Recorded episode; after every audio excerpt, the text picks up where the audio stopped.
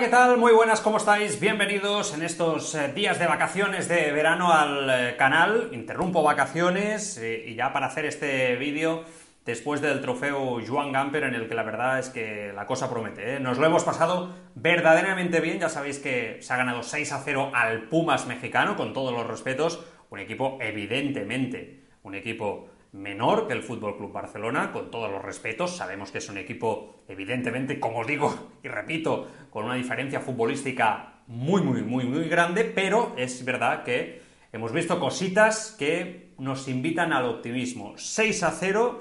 Ya sabéis, eh, supongo a estas alturas, eh, con Lewandowski marcando en el minuto 3, Pedri eh, dos goles en el 5 y el 19, Dembélé en el 10, Aubameyang y De Jong que han cerrado esta, esta goleada muchos cambios y me voy a quedar sobre todo con muchas valoraciones de los jugadores de la primera mitad y dos, tres puntos clave que nos pueden dejar este Gamper antes justo ya del inicio de la temporada del próximo sábado oficialmente la liga ante el Rayo Vallecano. Lo primero que voy a decir es que el Barça ilusiona. O sea, es verdad que se ha pasado mal, es verdad que ha costado mucho, es verdad que Joan Laporta, el presidente y su junta directiva han arriesgado mucho, es verdad que han vendido activos del propio club buscando ganar presente, hipotecando futuro, que si sale mal la entidad económicamente va a poder estar en riesgo, pero a día de hoy el objetivo de presente está completado. Menuda, menuda plantilla que tiene el Fútbol Club Barcelona.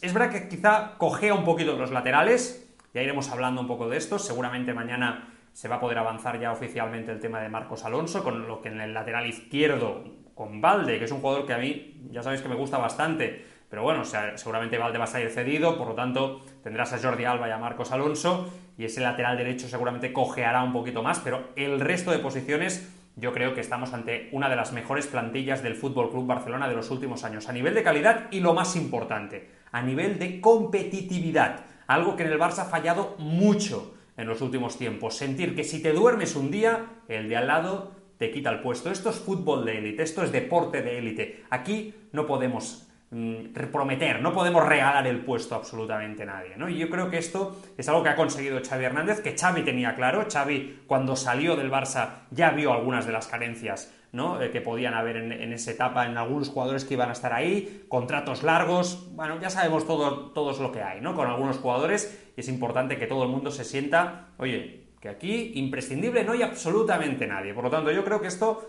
lo primero, lo más importante. Eh, acabamos la temporada desolados, acabamos la temporada viendo un Barça apático, un Barça deprimido prácticamente, y hemos empezado en esta pretemporada y ya en el trofeo Joan Gamper, ¿no? Con la presentación del equipo, viendo a un Barça enchufado, un Barça eléctrico, un Barça con punch, con las ideas claras a nivel del modelo de juego, con una presión alta, que es verdad que se ha caracterizado en toda la, toda la pretemporada, pero que hoy se ha visto agudizada aún muchísimo más, de salida, con un físico notable a nivel de fondo el equipo se le ve bien físicamente, se le ve fresco. Importante empezar la temporada con estas buenas sensaciones, aquello que siempre quería Xavi, ¿no? Empezar una temporada con el Barça, con su Barça, como entrenador, con su equipo técnico desde el principio. Ha podido hacerlo ahora y la exigencia, eso sí, es máxima, evidentemente, ¿no?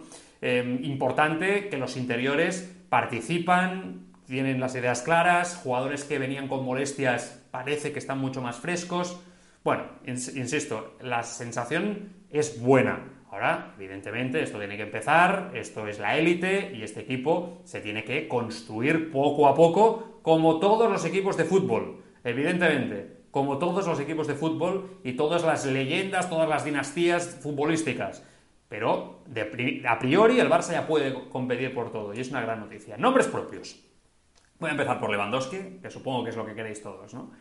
A mí me parece impresionante yo puedo estar más o menos de acuerdo con quien dude para el futuro, que si 34 años, bueno, lo que queráis, pero hoy no toca. Hoy, a día de hoy, presente, es el mejor delantero centro del mundo para mí, junto con Karim Benzema. A día de hoy, para mí. Y hoy, lo que le he visto, para mí, es la mejor noticia del Gamper. Porque es verdad que Lewandowski ya era el mejor antes de venir al Barça, pero en un juego, en un fútbol, el del Bayern de Múnich. Para mí, la gran noticia de hoy es que en solo unos cuantos partidos ha entendido perfectamente la figura del delantero centro del Fútbol Club Barcelona, que es diferente a la de otros equipos. Seguramente no es solamente marcar goles, sino que tiene que bascular, tiene que descargar, tiene que asistir de espaldas a portería, etcétera, etcétera, etcétera. Por lo tanto, ahí sí Lewandowski ha entendido hoy, y hoy se ha visto clarísimamente, con un juego entre líneas, asociándose especialmente muy bien con Pedri, llegando desde segunda línea, en eso que ya Xavi le pedía tantas veces, ¿no? Oye, Pedri, llega desde segunda línea, llega habitualmente, atrévete, Pedri lo tiene clarísimo, antes de la lesión ya lo empezaba a hacer y había sido muy protagonista, se lesionó Pedri y el invento se le cayó a Xavi en el tramo final de la temporada, y evidentemente yo creo que un hombre como Lewandowski, entendiendo el juego de posición de esa manera, ostras, puede ir muy bien. ¿eh? Yo a Luis Suárez, muchas veces que, a ver, Luis Suárez eh, en sus grandes momentos en el Fútbol Club Barcelona, estamos hablando de un delantero extraordinario, pero es verdad que a Luis Suárez basculaba también muy bien. Pero yo hoy he visto a un Lewandowski de un nivel muy alto, ¿eh? de espaldas a portería y jugando entre líneas, insisto, no solamente con el gol que ha marcado, que es un gol como define, ¿no? Yo creo que es es una delicatessen, es una auténtica locura. Después, lo otro, yo creo que la otra gran noticia son las bandas. Rafinha Dembélé. Estos dos monstruos que están a un nivel altísimo. Rafinha fichado del Leeds, ya lo sabéis, ha empezado a un nivel muy alto y Dembélé que nos lo han cambiado, está enchufadísimo, sonríe, hace bromas, habla castellano, concede entrevistas, bueno, con una serie de cosas que, que, bueno, nos lo han recuperado. Vamos a ver si Dembélé acaba con esos problemas de entendimiento del juego, de no hacer su partido, sino hacer su fútbol dentro del juego colectivo, ¿no? Algo que parece que sí que empieza a notarse, por lo menos en pretemporada se le ha visto mejor, pero es verdad que ya antes se había visto esto con Dembélé en otras dos ocasiones y no había tenido continuidad. En el caso de Rafinha es un jugador brutal, con uno contra uno impresionante, técnicamente es muy bueno, tiene un gran físico, una gran zancada y realmente tiene la magia del brasileño. Y además, que bueno, ya visteis el gol que marcó en el clásico de Las Vegas, que es un jugador que tiene gol y que llega y que además tiene magia, como digo. Eh, lo mejor es que estos dos se pueden ir cambiando, que son letales, que combinan muy bien, que, que, son imparables prácticamente y que además entre ellos, como digo, se asocian, ¿no? Parecía que iban a luchar entre los dos por una posición y las sensaciones para el inicio de la temporada oficialmente es que son titulares, son tan buenos que un Sufati que está muy bien, ahora mismo parece que es suplente. O sea, es, un poco la sensación que tengo yo ¿eh? a día de hoy. Que tanto Rafinha, que llega como una moto de la Premier en el mejor momento de su carrera, y seguramente Dembélé también, apuntan a titulares junto a Lewandowski. Bueno, pues ahí está, ¿no? Yo creo que lo de arriba es la mejor noticia de, un poco del Gamper, lo que hemos podido, lo que hemos podido ver hoy. Bien Pedri, realmente a un nivel altísimo, al nivel de mega, mega crack que, viene prometiendo Pedri, lo que le hemos visto.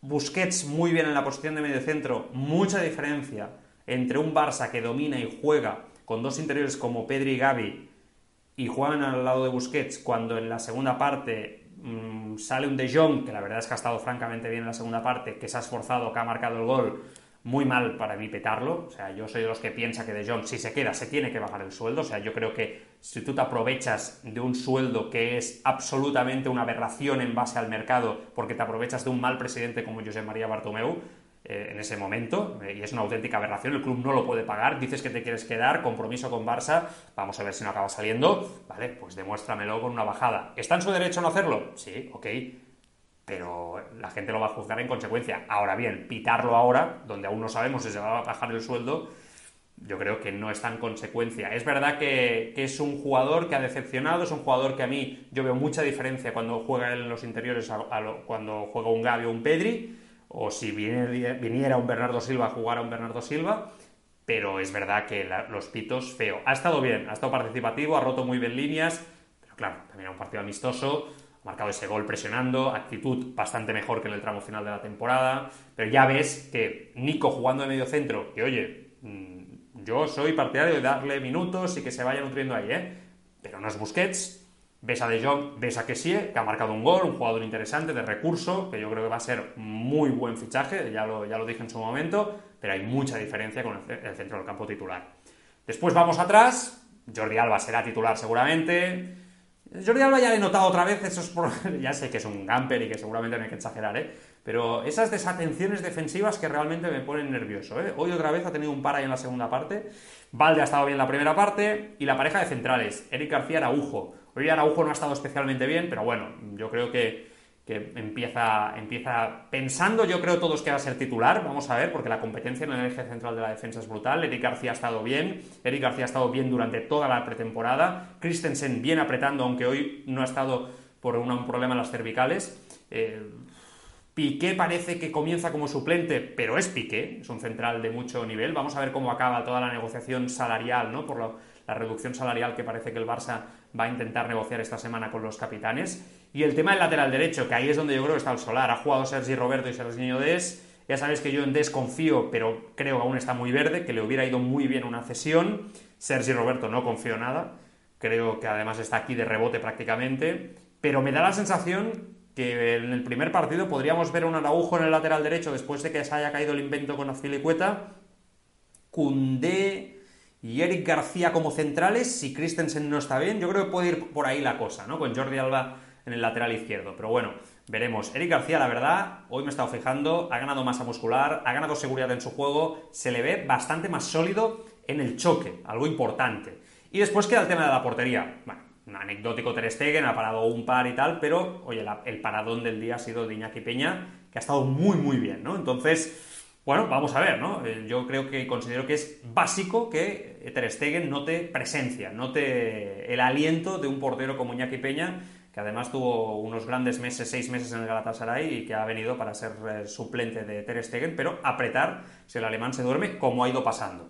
Bueno, en definitiva, yo creo que estamos ante bueno, las puertas de, una temporada donde el Barça va a recuperar eh, músculo en Europa y donde, bueno, va a costar, van a tener que ensamblarse, evidentemente, todos los automatismos, pero donde la exigencia debe ser máxima. Esta plantilla debe de luchar por la Liga y la Copa sin duda y debe estar ahí, seguramente mejorando el papel de los últimos años en Europa, donde ya sabemos que es muy difícil, solo gana uno. Pero vital, ¿eh? tal como se lo ha jugado también el presidente. Bueno, en fin, os leo a todos. Sigo yo con vacaciones así, más o menos. El sábado ya empezamos con los vídeos de los partidos oficiales. ¿eh? Barça Rayo, primer partido de liga. Cuidaros mucho, os leo todos en los comentarios. Adiós.